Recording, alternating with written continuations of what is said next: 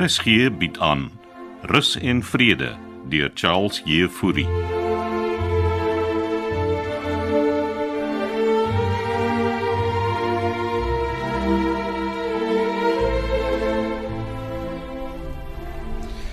Ons sit sommer hier in die lekkerte van die stoepkamer sonnetjie.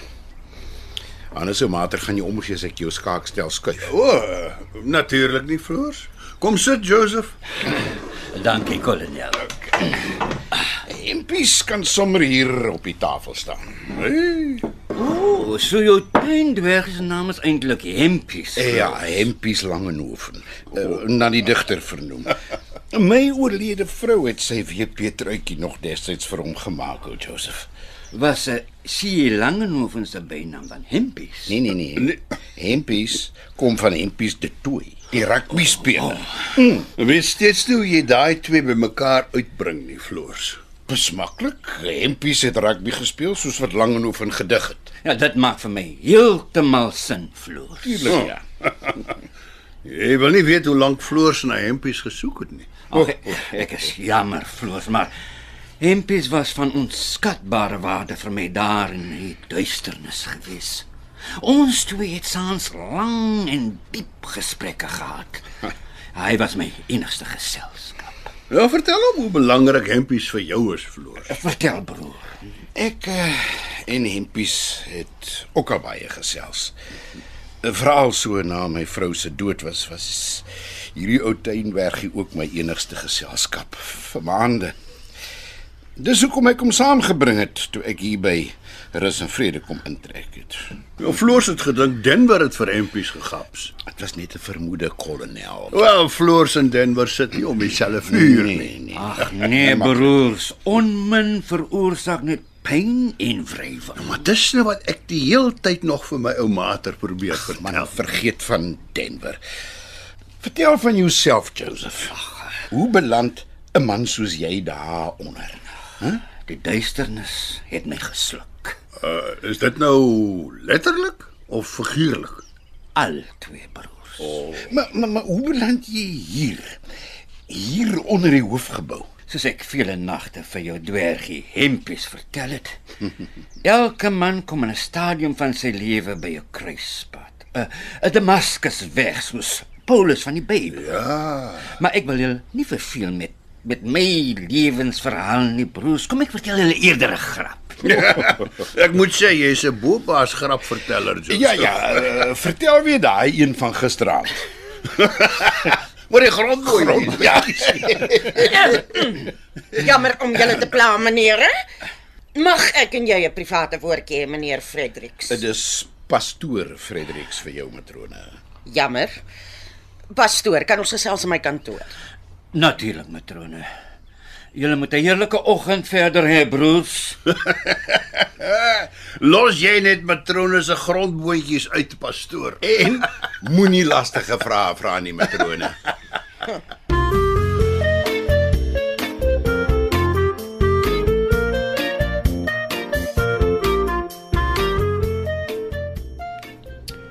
Kom sit gerus.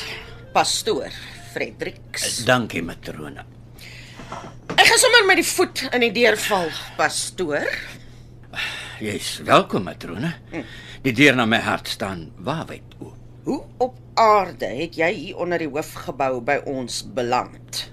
Ja, Soos ek vir my vriende Hannes en Floors daar binne gesê het, dis 'n lang en vervelige storie, matrone, met vele kinkels en kabels. Ja, gee my maar net die verkorte weergawe asseblief. Nou, Ek het op straat beland na ek alles opgegee het. Mm, en hoe het jy alles opgegee? En dis waar die kinkels en kabels vers- verstrengel raak. Hoe het jy toegang tot die vertrekke hieronder gekry? O, oh, dit was maklik. Ek het eenvoudig die hek se slot oopgebid. oop gebid. Pastoor Fredericks, dis onwettig om 'n private perseel te betree sonder toestemming. U behoort van beter te weet. Maar ek het toestemming gehad. Van wie nogal? Ons liewe Vader.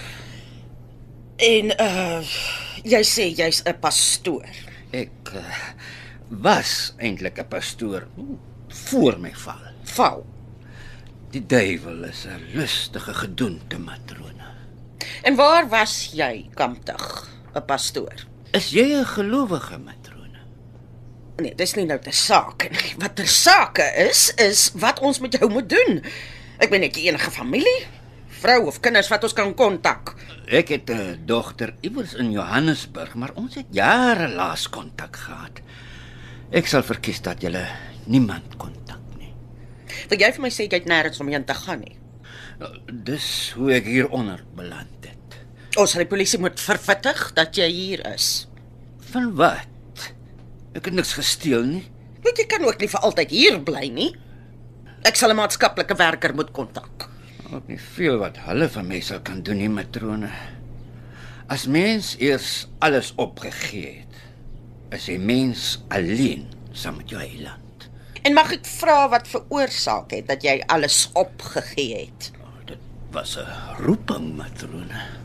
Ja, wel, dis duidelik dat jy nie met my oop kaarte gaan speel nie. Net die duiwel speel kaarte, matrone. En hy wen gewoonlik.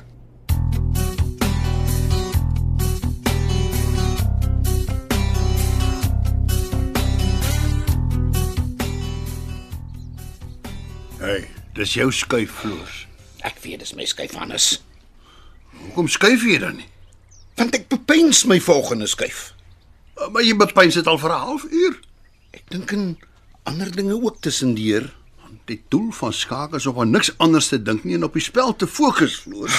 Jy kan nie 'n halfuur vat om 'n skuif te maak nie. Daar. Jy's in skaak. Is jy seker dis wat jy wil doen? Tot jy jag my dan aan. Ha? Ek vat jou beskop. Domp.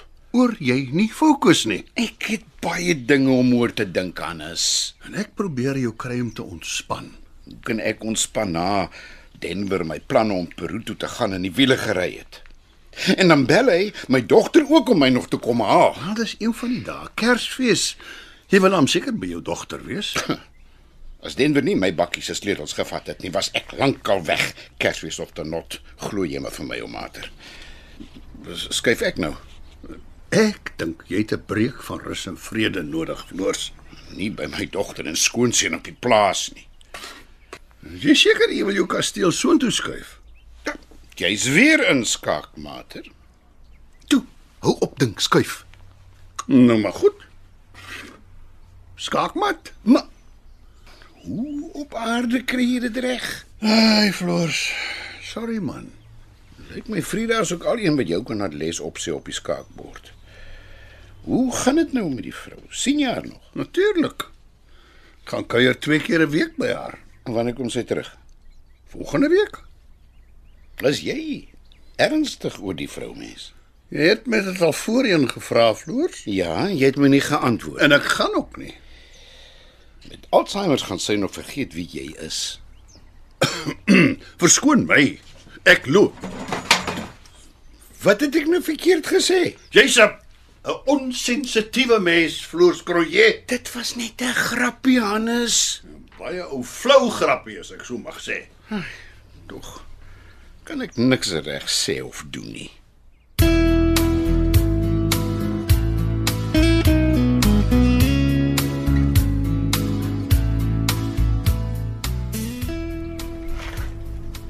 Ons stap hier langs.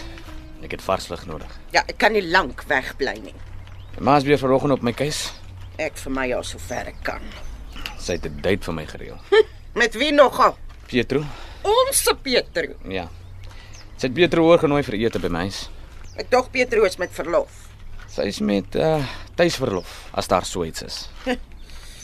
En nou moet ek en Kitty Bond staan by ontvangs. Dis net tydelik, matrone.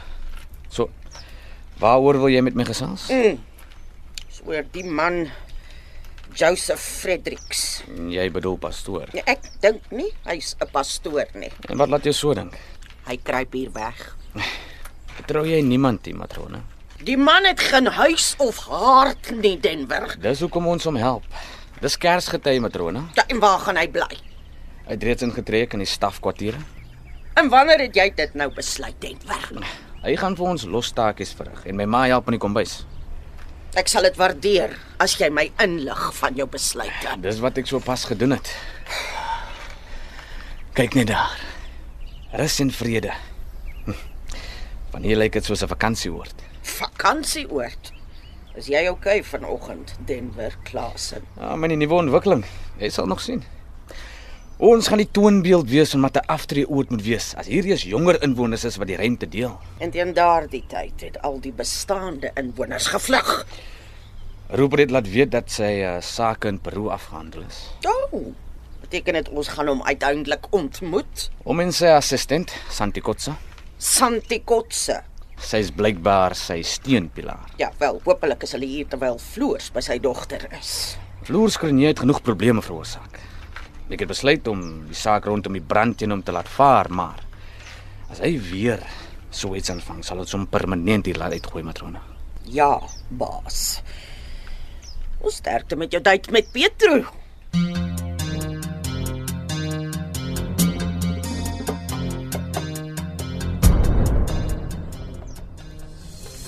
En as my broer so na die skaakstel sit en staar, Ja, Ah, pas hoor Hendriks.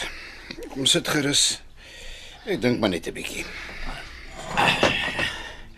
te veel dink en te min doen. Alles wat ek wil doen word gepootjie, pastoor. En uh, wat wil die broer doen? Keer dat die plek ten gronde gaan.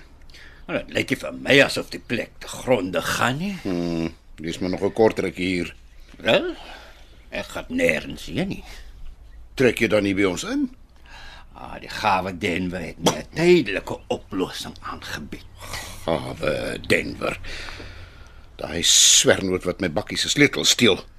Broer, as jy so lank soos ek in die duisternis was, is jy maar net te dankbaar vir enige hulp. In hierdie lewe is 'n warm stort, 'n matras en 'n lekker bord kos dinge waarvoor 'n mens op jou knieë kan gaan. Ja wel, ek is bly jy kry 'n kans op Peterskap, pastoor. En uh, wat sal vir broer Floors gelukkig maak? Pastoor, het jy 'n bestuurderslisensie? Ek het maar ek was lanklaas agter 'n stuurwiel. As ek net my verdomde pakkie se sleutels kan terugkry. Waar sal die sleutels nou wees? Gawe Denver se kantoor En uh, wat oorweeg, broer? om dit terug te vat. Is dit nie diefstal nie? Pastoor, dis my bakkie en my verdomde sleutels. Broer, ek wil nou nie vir jou voorsê wat om te doen nie, maar iets sê vir my. Daar is 'n rede hoekom die sleutels en jou bakkie van jou afgeneem is. En as dit so moet wees, moet dit so wees. Dit klink vir my asof Gawe Denver jou ook in sy sak het, pastoor. Maar as jy voel jy moet die sleutels kry, dan moet jy dit kry. En dis presies wat ek gaan doen. Maar ek het jou hulp nodig En uh, wat sal daardie hulp behels, broer? om in sy kantoor te kom. Dink jy nie dis 'n blink idee nie, pastoor? Jy gaan Denver oortuig om my sleutels vir my terug te gee. Broer, mag ek jou eers 'n vraagie vra? Ja, vra maar pastoor. Wat staan daar teen die plafon bo jou geskryf? Pas dan niks geskryf nie. En teen my voorkop, broer? Ook niks. Dank ek tog. Ek het amper gedink ek is 'n idioot. Is dit nou 'n grap? Dis wat 'n mens noem 'n grap met 'n angel, broer.